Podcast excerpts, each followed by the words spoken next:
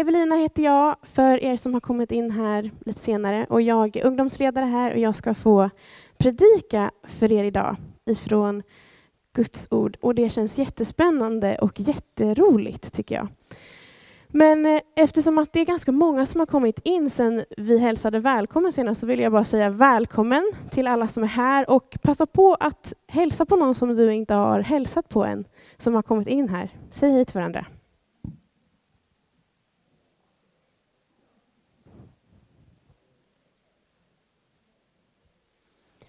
Gött. Om det finns någon som är här för första gången så extra välkommen till dig. Vi är inne i en serie nu som heter Vi säger ja. Och som eh, Christer har gjort den här bilden och de ser ju både exalterade ut och lite rädda ut. Jag vet inte riktigt vad du vill säga med den bilden men, men eh, det är i alla fall det som vi snackar om just nu. Och förra veckan så pratade Christer om att säga ja till Guds vilja. Och om du inte har hört den predikan, gå in på vår Spotify eller på vår hemsida och lyssna på den, för det var riktigt bra. Det kan man göra när man kör bil eller ute och går och sådär, om man missar någon predikan. Det är så härligt att bara få fylla, sig på, fylla på med Guds ord. Och jag ska fortsätta på det här temat.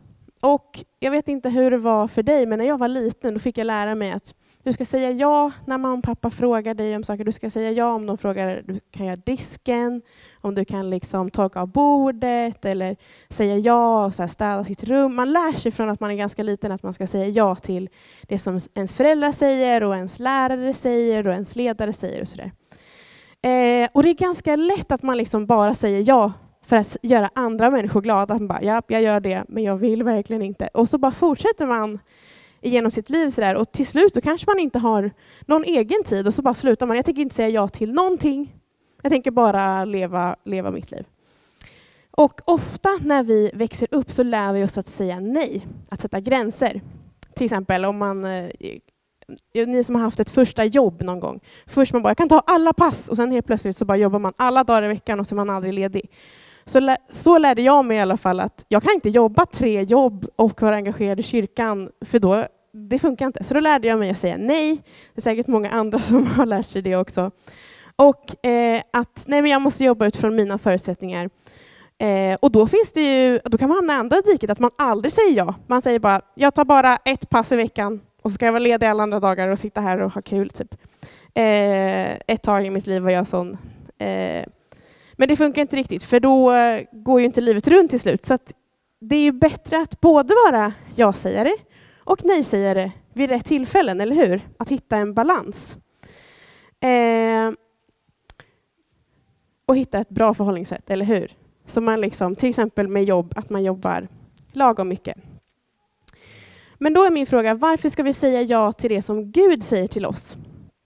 Och jag tror att det är bra att säga ja till Gud och inte bara ibland. För att det, är så lätt att vi hamnar i det där facket att vi bara, nej men jag säger ja till Gud, eh, jag kan gå till kyrkan typ varannan vecka, då säger jag ja till dig Gud. Och så resten av livet bara kör man på.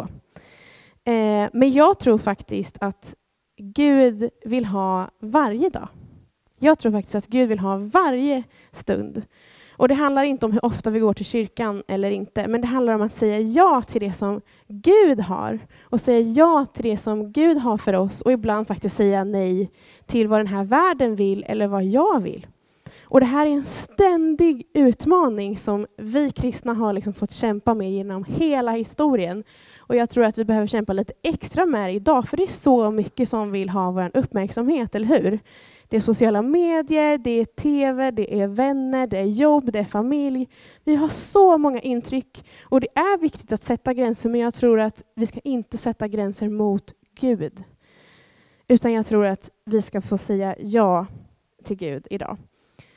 Och vi ska prata lite om att säga ja till Guds rike.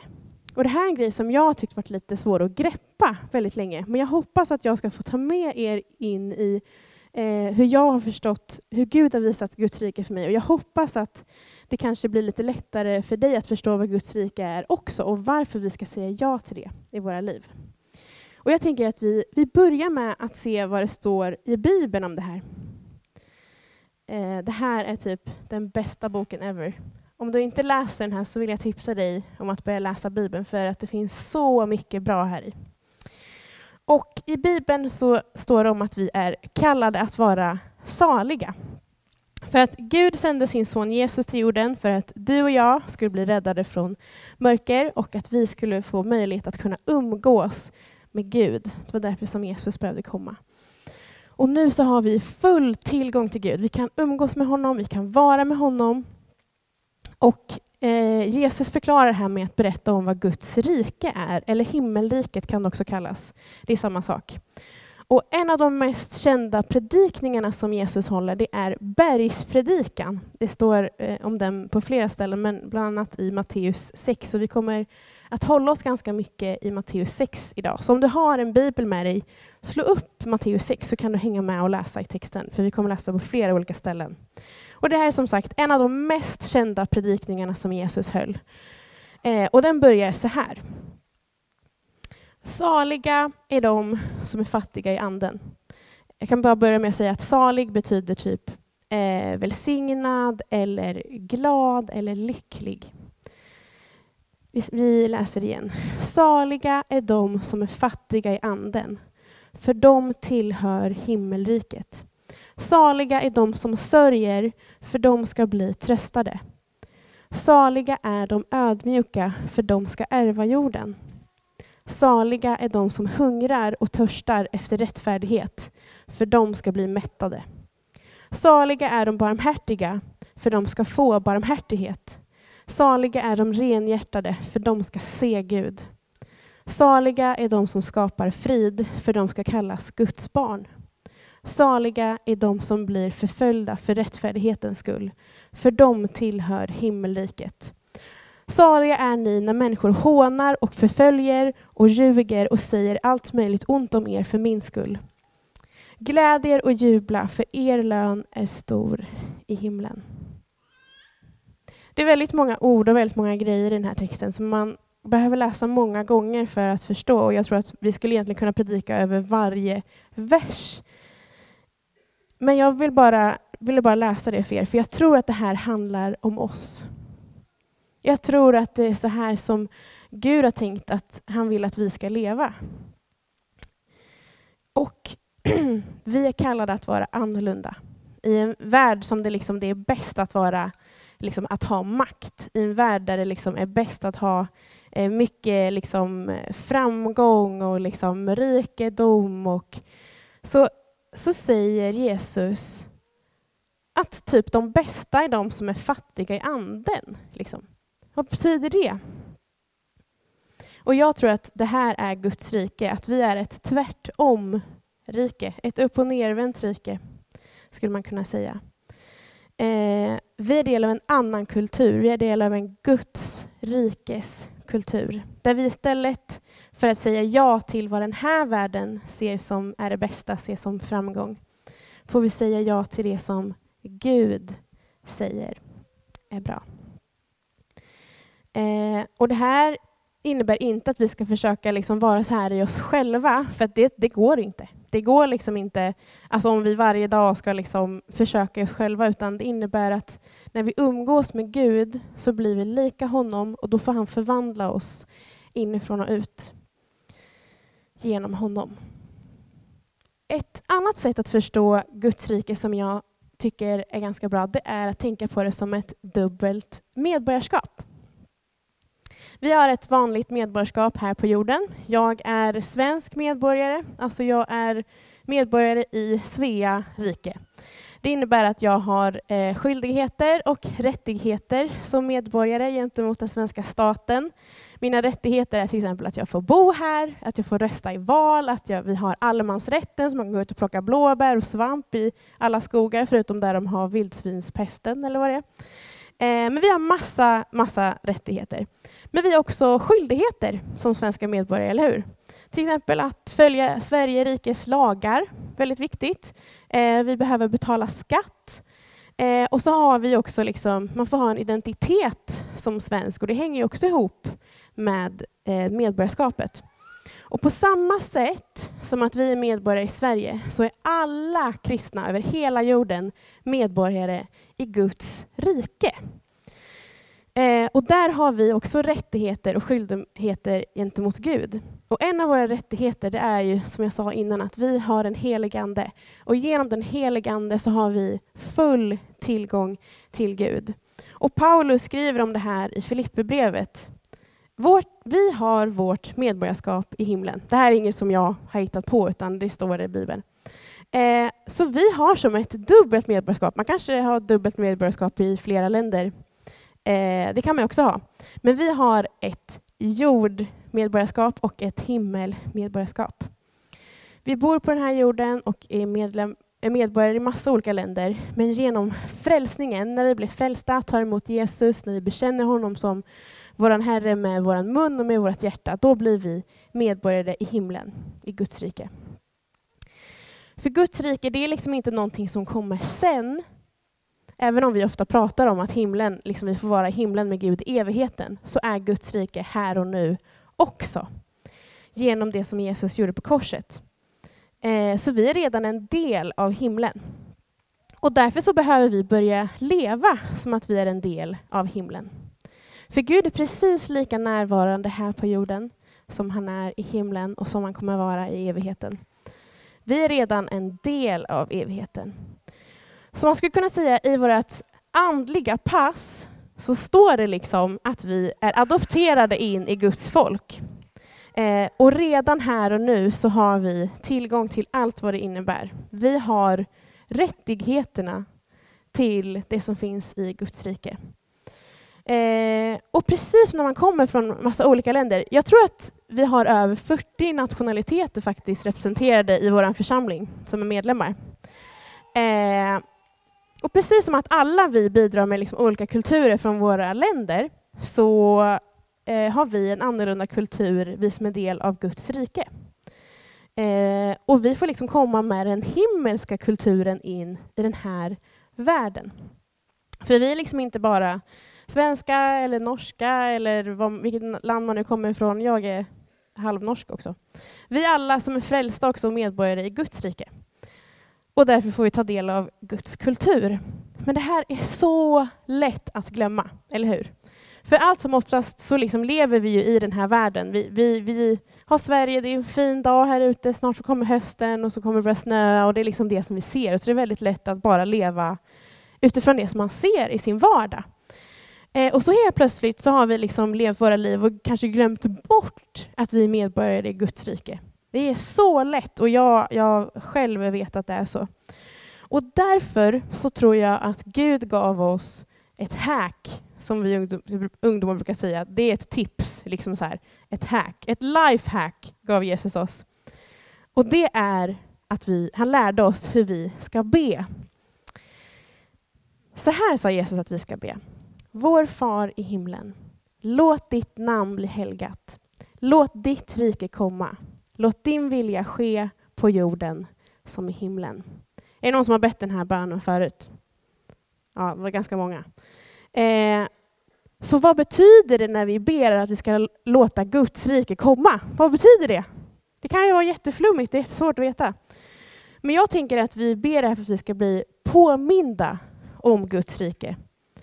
Och jag tror att när han säger att låt ditt rike komma, att det handlar om att fler människor ska få lära känna Gud och bli en del av Guds rike.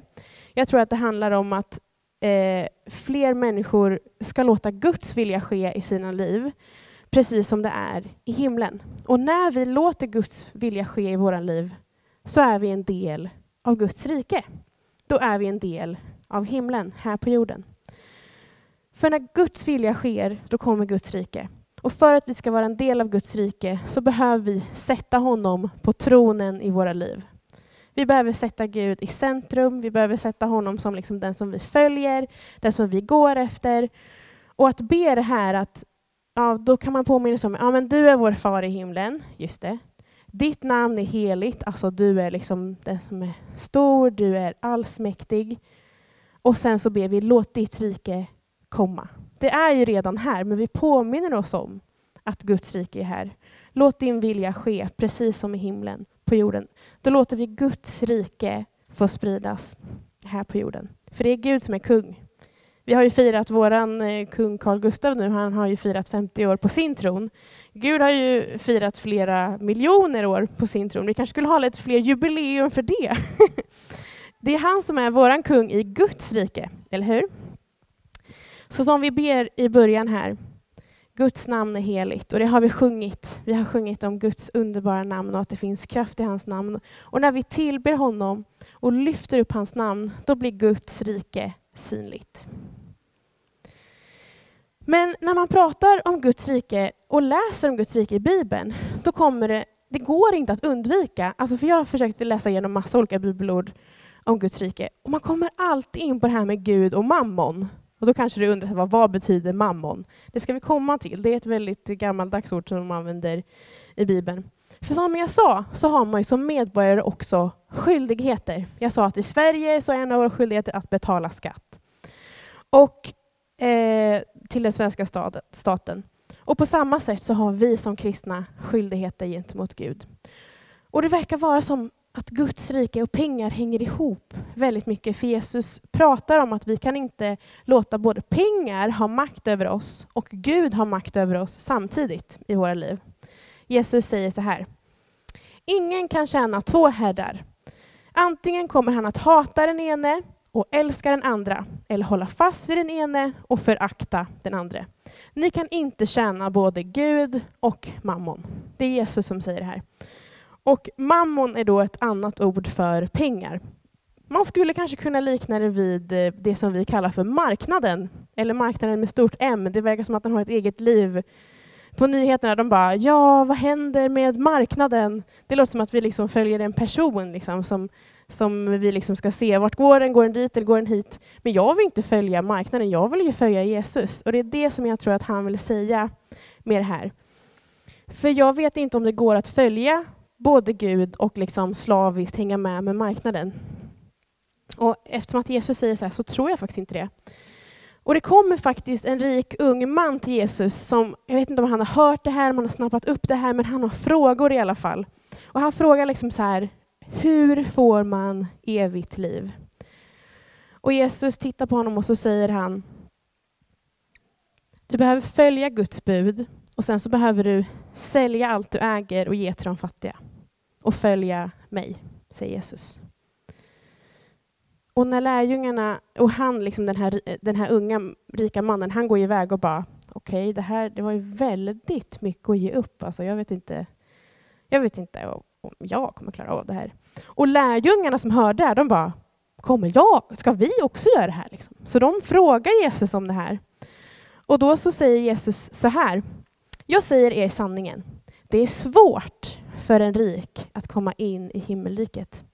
Ja, jag säger er, det är lättare för en kamel att komma in genom ett nålsöga, alltså ni vet så här, längst upp på en nål när man ska sy. En kamel, en nålsöga, ja.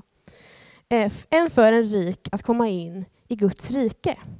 När lärjungarna hör det så blev de djupt bestörta och sa, vem kan då bli frälst? Jesus såg på dem och sa, för människor är det omöjligt, men för Gud är allting möjligt. Och jag tror att här så har vi nyckeln. För att för oss människor så är det oavsett hur vi lever våra liv helt omöjligt att komma in i Guds rike utan Jesus. Eller hur? Oavsett hur vi lever. Så oavsett om man är rik eller fattig, gammal eller ung, så behöver man ge upp allt för att komma in i Guds rike. För att det är bara genom Jesus som vi kan komma till Gud. Det är bara genom frälsningen, genom att göra Jesus till Herre i vårt liv, säga att det är dig som jag vill följa. Det är bara så som vi kan komma in i Guds rike. Du kan bara komma in i Guds rike genom att säga Gud, jag är din. Jag är hundra procent din. Och Det betyder att allt som vi äger, alla våra pengar, våra hus, våra kläder, våra barn, alla de tillhör Gud.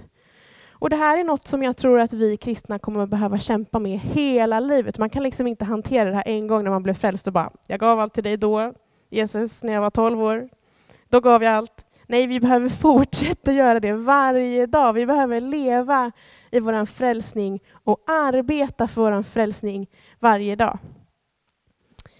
Och när jag, eh, ja, alltså jag är en sån här person som tänker ganska mycket på framtiden.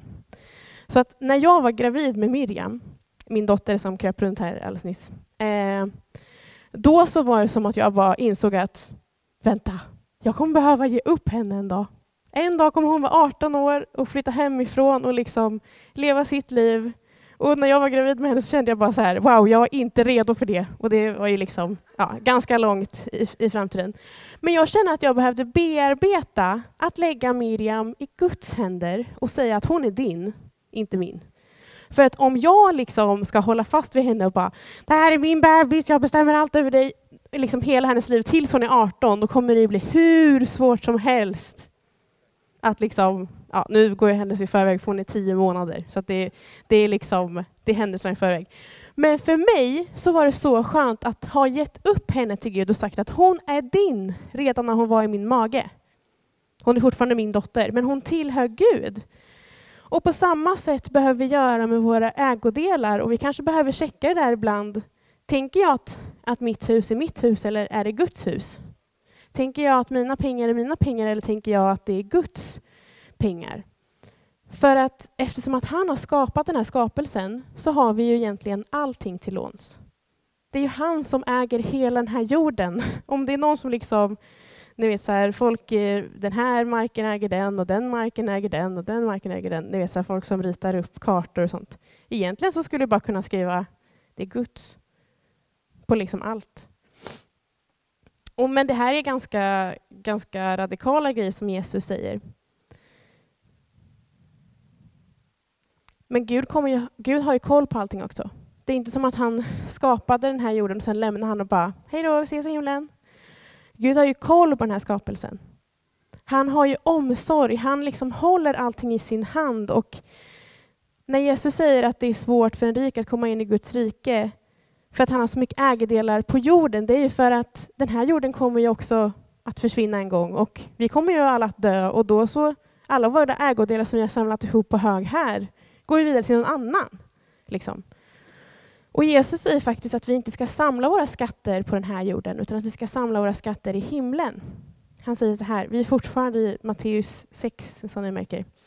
Samla inte era skatter på jorden där rost och mal förstör och tjuvar bryter sig in och stjäl. Samla era skatter i himlen där varken rost eller mal förstör och där inga tjuvar bryter sig in och stjäl. För där din skatt är, där kommer också ditt hjärta att vara. Och då är frågan, liksom, har du din skatt i Guds rike, då kommer också ditt hjärta att vara där. Liksom. Om vi satsar på vårt medborgarskap i Guds rike mer än vårt medborgarskap i Sverige, ja, ni fattar, vart hamnar vårt hjärta? Men då kanske du tänker så här, men om jag inte sparar ihop massa pengar, då kommer jag konstant oroa mig. Och det är väldigt jobbigt just nu, för vi är i en ekonomisk kris och det är jättelätt att man börjar oroa sig. Men Gud vill inte att vi ska oroa oss. Och det kommer Jesus tillbaka till om och om och om igen. Alltså om man läser evangelierna när Jesus går på jorden. Han säger om och om igen att vi inte ska oroa oss. Och så här säger han vidare i samma kapitel. Därför säger jag er, bekymra er inte för ert liv, vad ni ska äta eller dricka, eller för er kropp, vad ni ska klä er med. Är inte livet mer än maten och kroppen mer än kläderna? Se på himlens fåglar. De sår inte, de skördar inte och samlar inte i lador och ändå föder i himmelska far dem.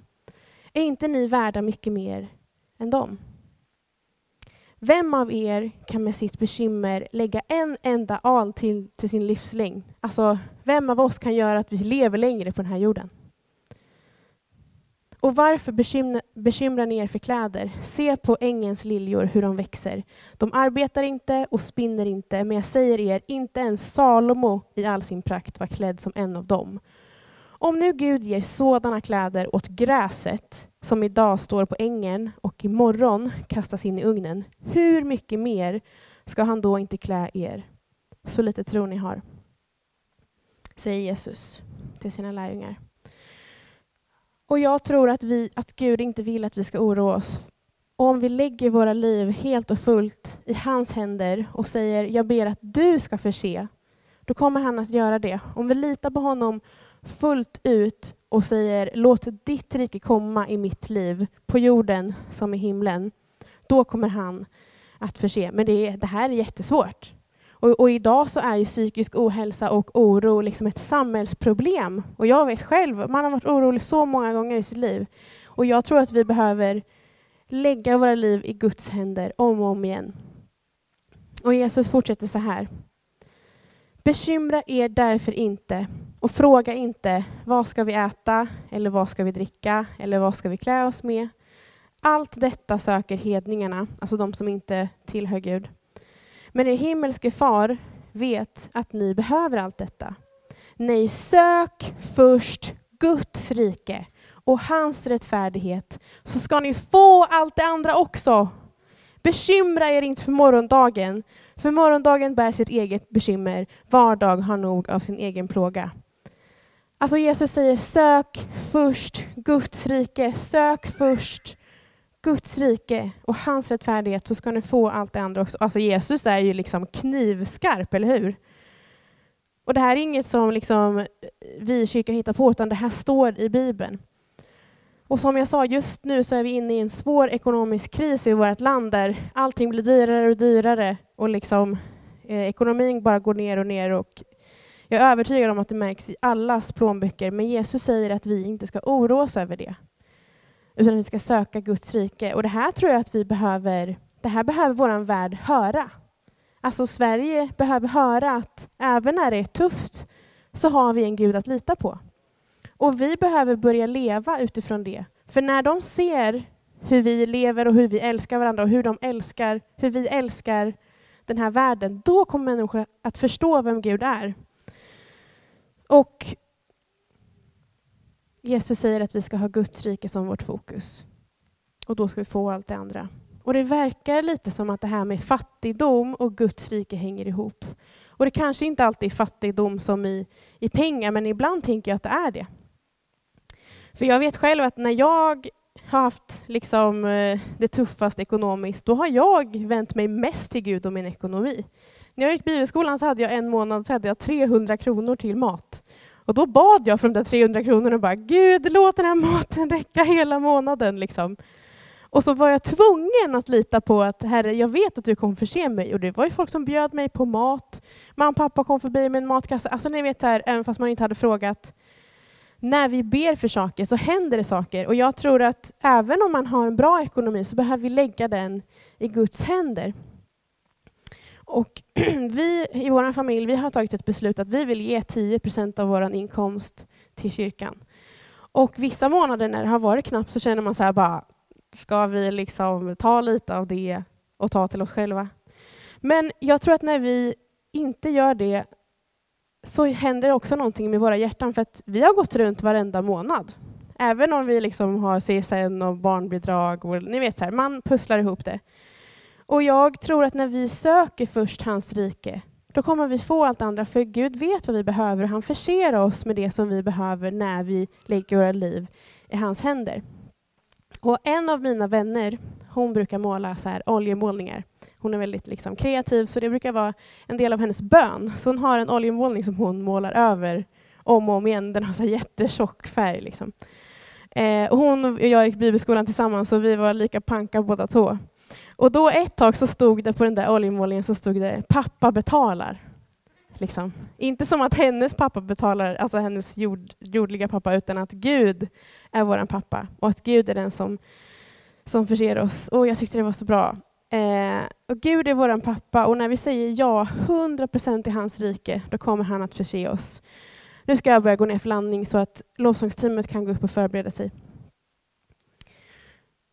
Och jag tror att vi behöver säga ja till Guds rike idag och alla andra dagar.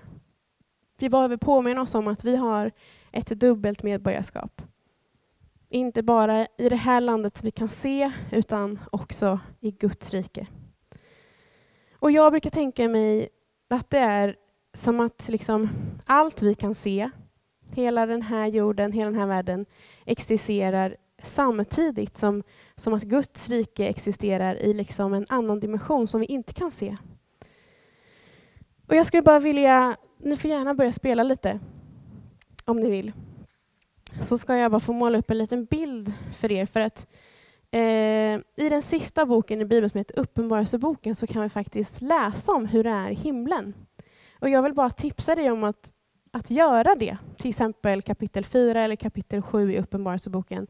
Så finns det fantastiska beskrivningar av hur det är i himlen. Det finns också massa, massa domedagsgrejer också. Men, men där kan vi få se hur det kan se ut att leva fullt ut i Guds rike.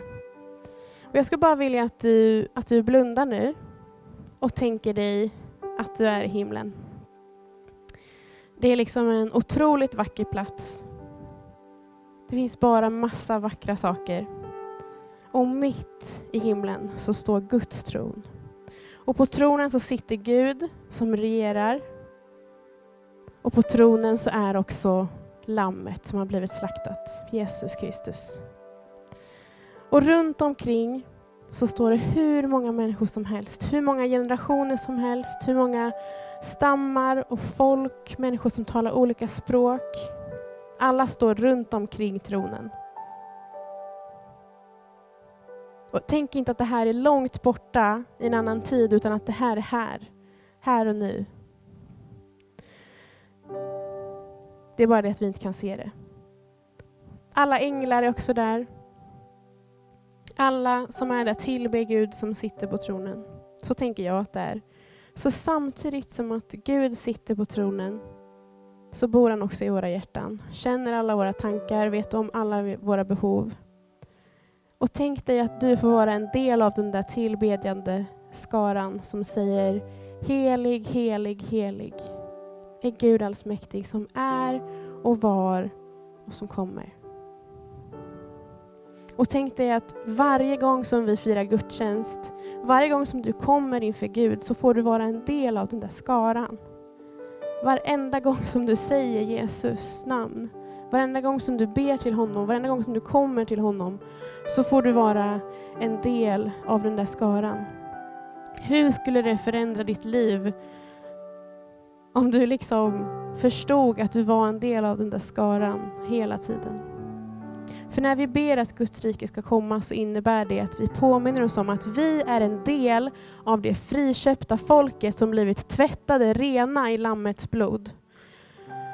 När vi ber att Guds rike ska komma så påminner vi oss om att vi har en Gud som kommer torka alla våra tårar och att all oro, all skam, all rädsla, all sjukdom kommer vara förbi. Det kommer inte finnas någon oro mer. Och jag tror att Gud vill att vi ska påminna oss om vad han har gjort för oss. För Jesus dog på korset för din skull. Han tog på all din synd, all din skuld, all din skam, all din sjukdom dog han för på korset. Men jag tror också att Gud vill påminna oss om vad han kommer att göra när Jesus kommer tillbaka och får upprätta sitt rike fullt ut. Gud är här och han vill att du ska säga ja fullt ut till hans rike. Och du kanske har sagt ja till Gud hundra gånger förut eller så är det här första gången. Men vi behöver vända oss till Gud om och om och om och om igen och låta han ta plats i våra liv. Och jag vill att vi ska ta en stund nu under lovsången när vi frågar Gud, hur kan jag säga ja till ditt rike? Hur kan vi säga ja till ditt rike i våra liv? Hur kan jag bli fattig i anden? Vad behöver jag ge upp? Vad behöver jag göra? Om du inte har tagit emot Jesus i, i ditt liv så är det här en perfekt stund att göra det. För Gud älskar dig och han vill att du ska vara med honom. Han har älskat dig från den stunden som du föddes och han har älskat dig varenda dag. Och han vill vara med dig varenda dag. Om du inte vet vad du ska göra, börja be vår far i himlen. Låt ditt namn bli helgat. Låt ditt rike komma. Låt din vilja ske på jorden som i himlen. Ge oss idag vårt dagliga bröd och förlåt oss våra skulder så som vi förlåter dem som står i skuld till oss. Och för oss inte in i frestelse utan fräls oss från det onda. För ditt är riket, din är makten, din är äran för evigt. Och jag är övertygad om att du börjar be den här bönen så kommer du att säga ja till Guds rike i ditt liv. För Gud är här och han vill möta dig. Så säg ditt ja idag. Jesus, vi tackar dig för allt som du har gjort för oss. Vi tackar dig för att du har öppnat vägen så att vi får vara med Gud. Tackar dig för att du är det slaktade lammet och att vi bara får till med dig och lyfta upp ditt namn. Och tack för att det är du som tvättar oss rena. Och hjälp oss, hjälp oss att säga ja till ditt rike när vi tycker att det är svårt. Hjälp oss att vända oss till dig. Hjälp oss att ha vårt fokus till dig Jesus, för vi behöver dig så mycket i våra liv. Tack Gud för att du är här. Kom och gör ditt verk i oss.